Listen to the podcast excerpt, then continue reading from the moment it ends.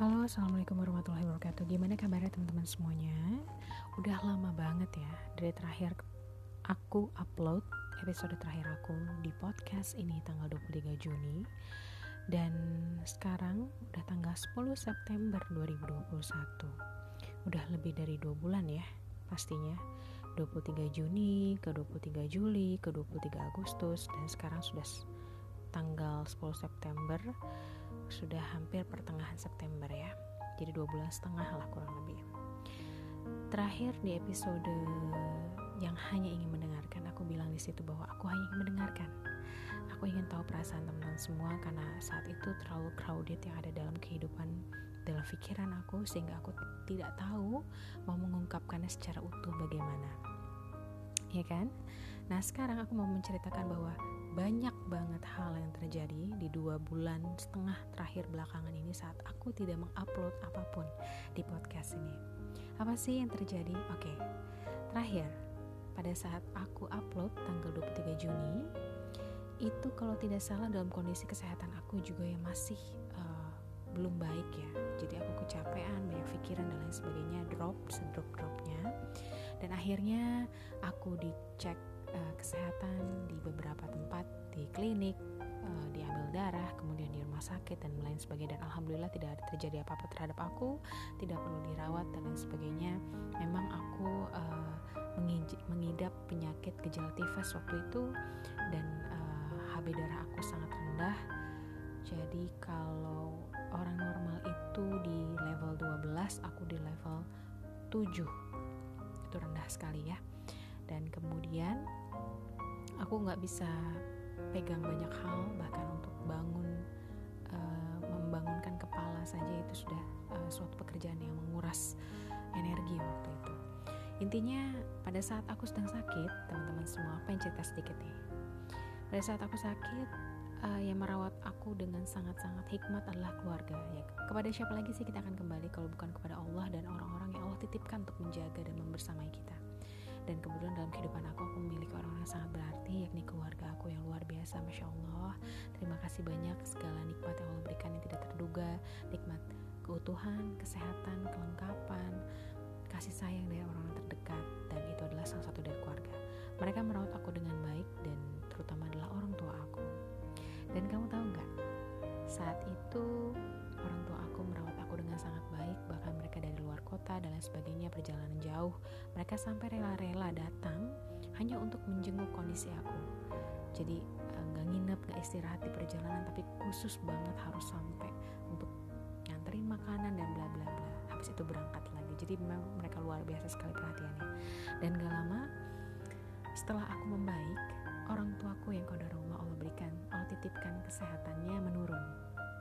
Singkat cerita teman-teman orang tua aku dicek uh, dicek kesehatannya uh, dan mereka juga sakit gejala tifus dan akhirnya mereka diistirahatkan di rumah dulu disarankan uh, untuk tidak beraktivitas secara aktif di luar yang akhirnya membuat mereka hmm, harus banyak istirahat gitu ya di rumah makan istirahat memulihkan kondisi dan di saat itu ayah aku kondisinya semakin menurun padahal obatnya sudah habis dan ya obatnya sudah habis kondisinya semakin menurun kebalikan dengan ibu aku yang semakin membaik.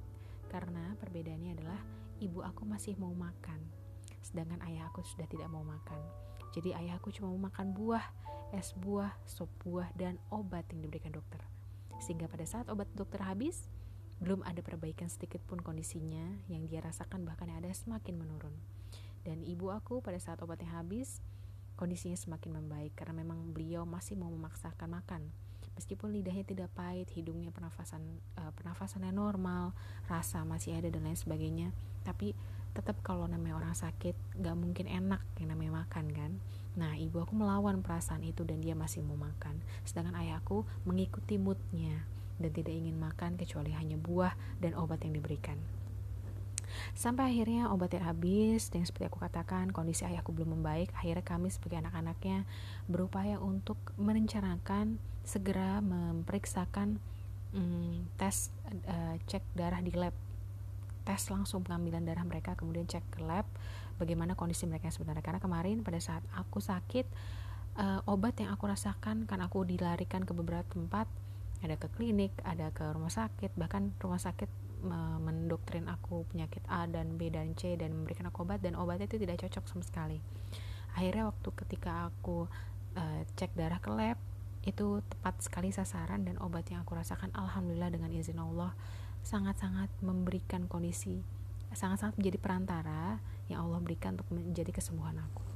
Itu ikhtiarnya diterima sehingga akhirnya aku sembuh dari hasil obat uh, yang bisa disimbolkan dari hasil cek darah lab aku akhirnya kami merencanakan untuk melakukan hal yang sama kepada kedua orang tua aku kan apalagi terlebih obat mereka sudah habis. Dan pada saat mereka di dan pada saat mereka direncanakan pada tanggal 21 Juli hari Rabu itu akan tes darah ke lab. Tiba-tiba pagi harinya jam 8 pagi innalillahi wa inna ilaihi rajiun. Ayahanda saya tercinta meninggal di, diambil oleh Allah Subhanahu wa taala tepat hari kedua hari tasyrik ya. Pada saat hari kedua Idul, Adha tanggal 11 ya. Ya. Tanggal 11 kalau dalam tanggal Islam sedangkan kalau dalam tanggal Masehi itu 21 Juli 2021 jadi harusnya hari itu ayahku cek darah ke lab tapi malah uh, Allah uh, berkata lain dan memanggil beliau. Padahal malamnya pada tanggal 20 malam itu kan malam takbiran masih ya. Jadi hari pertama Idul Adha itu hari Selasa ya tanggal 20 itu aku sudah ingin mengupload episode selanjutnya di podcast ini.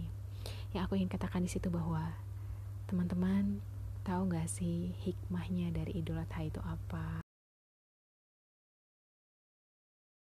Jadi aku mau bilang tuh sama teman-teman di situ bahwa uh, teman-teman tahu gak sih kalau dalam Adha itu kayaknya kalau orang yang gak tega ngeliat hewan dia papain gitu ya salah satunya aku itu bakal gampang banget suzon kalau tidak menyertakan iman bahwa kok tega banget sih hewan dikorbanin kayak gitu dan bla bla bla. Dengan segala uh, tuduhan-tuduhan lainnya yang bersuzon terhadap ajaran agama kita naudzubillah padahal sebenarnya makna dari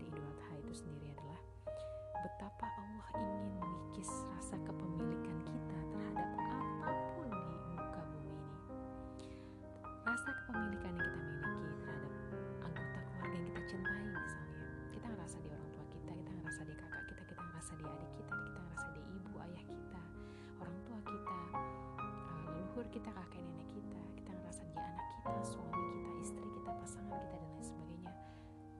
It's mine. Itu milik saya padahal tidak.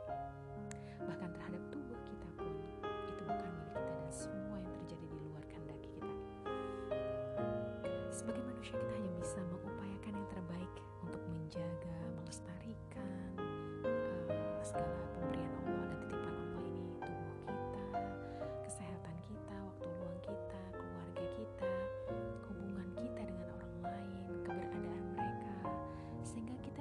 bisa mengoptimalkan kesempatan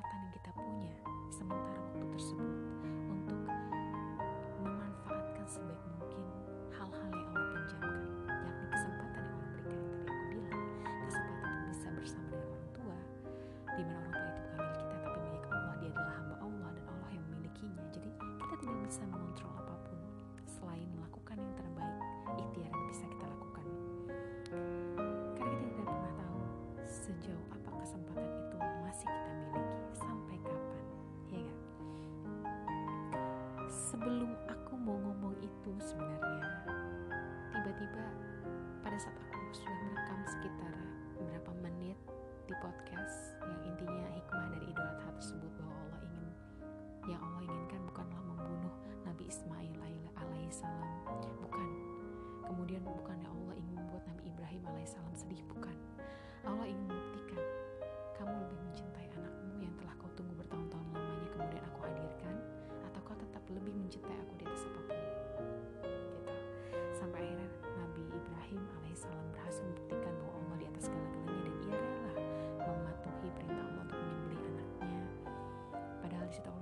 menguji dan kemudian saat uh, Nabi Ibrahim alaihissalam ingin menggorok leher Nabi Ismail alaihissalam di situ Allah gantikan kehadiran Nabi Ismail dengan kambing.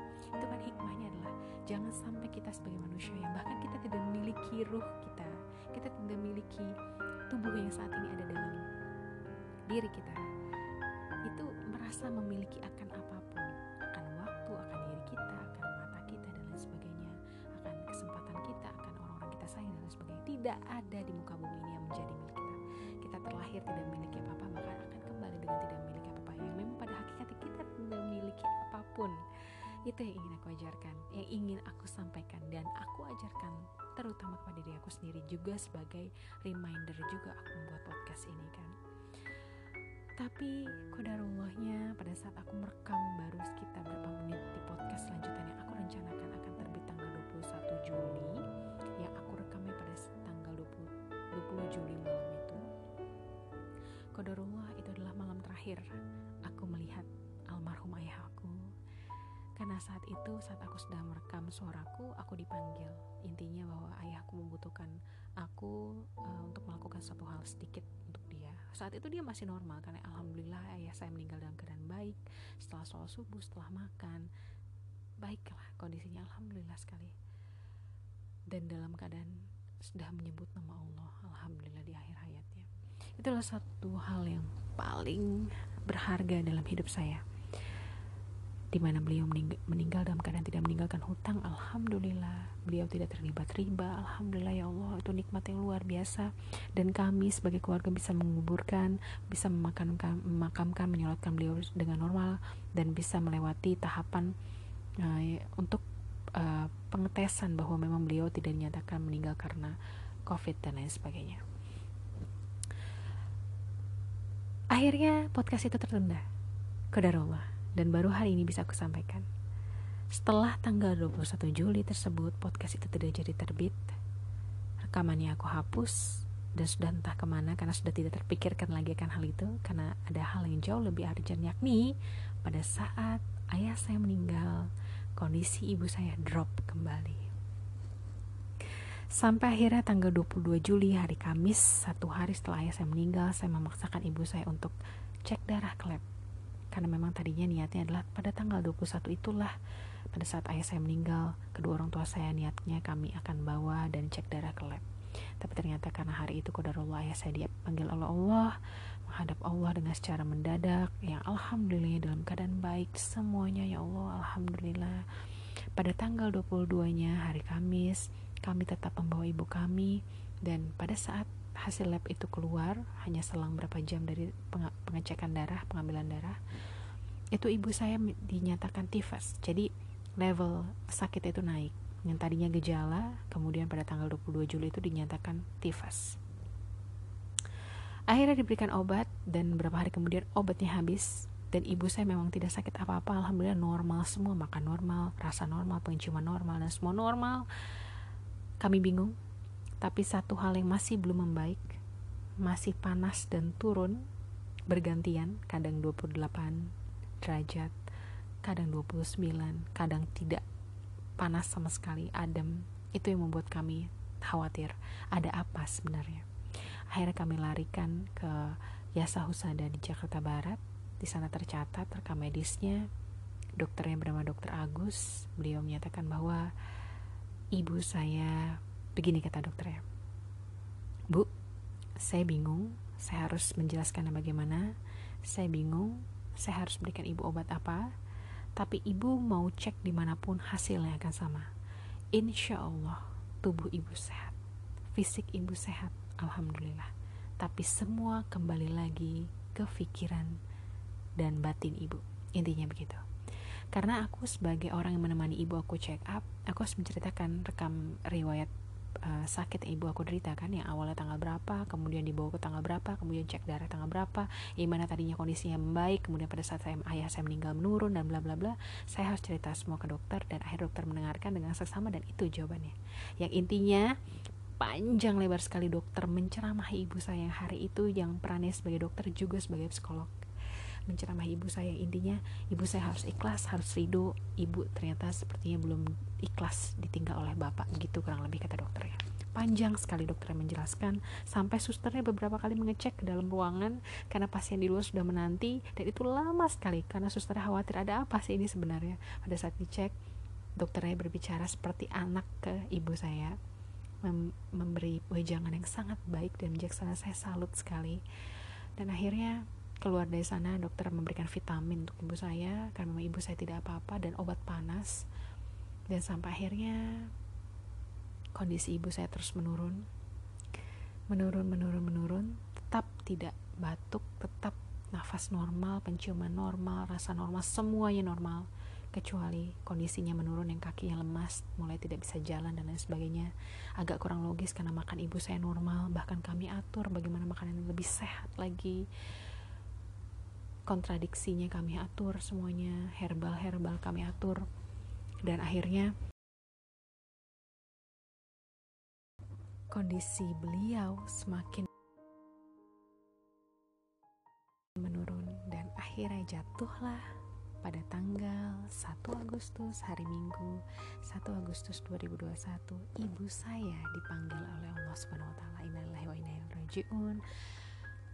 Allahumma firlah warhamha wa'afiya wa'funha selang 10 hari setelah kemeninggalan ayah saya. Luar biasa bukan? Masya Allah. Itulah kisah yang saya jalani kisah yang saya terima. Pada saat saya tidak online dan um, melanjutkan episode lanjutan yang sempat saya uh, rancang setelah episode terakhir tanggal 23 Juni tentang yang titlenya hanya berjudul hanya ingin mendengarkan kurang lebih seperti itu ya inilah teman-teman kisah yang saya alami beberapa bulan itu. Kemudian lanjutannya adalah itu adalah suatu hal yang luar biasa ya. Luar biasa shock buat saya uh, luar biasa luar biasa tidak bisa saya katakan lagi bagaimana perasaan saya waktu, waktu itu. Yang anehnya adalah teman-teman saya tidak bisa menangis. Saya hanya menangis pada saat ibu saya meninggal dan sampai detik ini saya tidak lagi menangis. Tidak sanggup tidak bisa bukan tidak ingin saya ingin mengeluarkan emosi dan perasaan saya tapi saya belum bisa menangis intinya pada saat saya ingin membuat episode tentang bahwa Allah tidak ingin kita merasa memiliki terhadap apa pun di muka bumi ini. Di saat itu pula Allah menguji saya terhadap kata-kata yang ingin saya ungkapkan. Ya itulah teman-teman semuanya. Tidak ada yang bisa saya sampaikan selain pembuktian bahwa saya pun diuji akan hal yang sama. Saya pun mem terus memupuk dan mengajarkan diri saya akan hal yang sama berulang kali karena ini adalah pelajaran tidak akan pernah ada habisnya bahwa saya hanya seorang hamba Allah dan saya tidak pernah memiliki apa pun dan Allah tidak pernah mengambil mengambil apa pun dari saya melainkan hanya mengambil titipan yang ia berikan bahwa semua ini bukan hak saya untuk merasa memiliki akan akannya termasuk diri saya tubuh saya, kesehatan saya, orang-orang saya cinta dan lain sebagainya. Maka saat saya berkata dan ingin menyatakan itu kepada teman-teman semua, saya diuji dengan hal yang sama dan ujian itu tak akan pernah ada habisnya hingga kita menghadapnya kelak. Bahwa kita terlahir tidak membawa apa-apa dan menghadapnya pun tidak membawa apa-apa. Dan semua yang ada di muka bumi ini, semua tidak terlepas dan tidak terkecuali ialah bukan dan tidak pernah menjadi milik kita melainkan hanya pinjaman dan titipan sementara saya cuma bisa berharap teman-teman semua dalam keadaan selalu baik sehat maaf untuk episode yang begitu panjang ini tapi satu hal yang ingin saya sampaikan saya belum menangis hingga sekarang. Dan saya tidak berhenti bersyukur karena bisa melihat dan mendampingi kedua orang tua saya hingga akhir hayat mereka hingga nafas terakhir yang mereka hembuskan dengan membantu mereka mengucapkan talqin Alhamdulillah ya Allah. Itu adalah nikmat yang luar biasa untuk saya mendampingi mereka hingga akhir hayat mereka.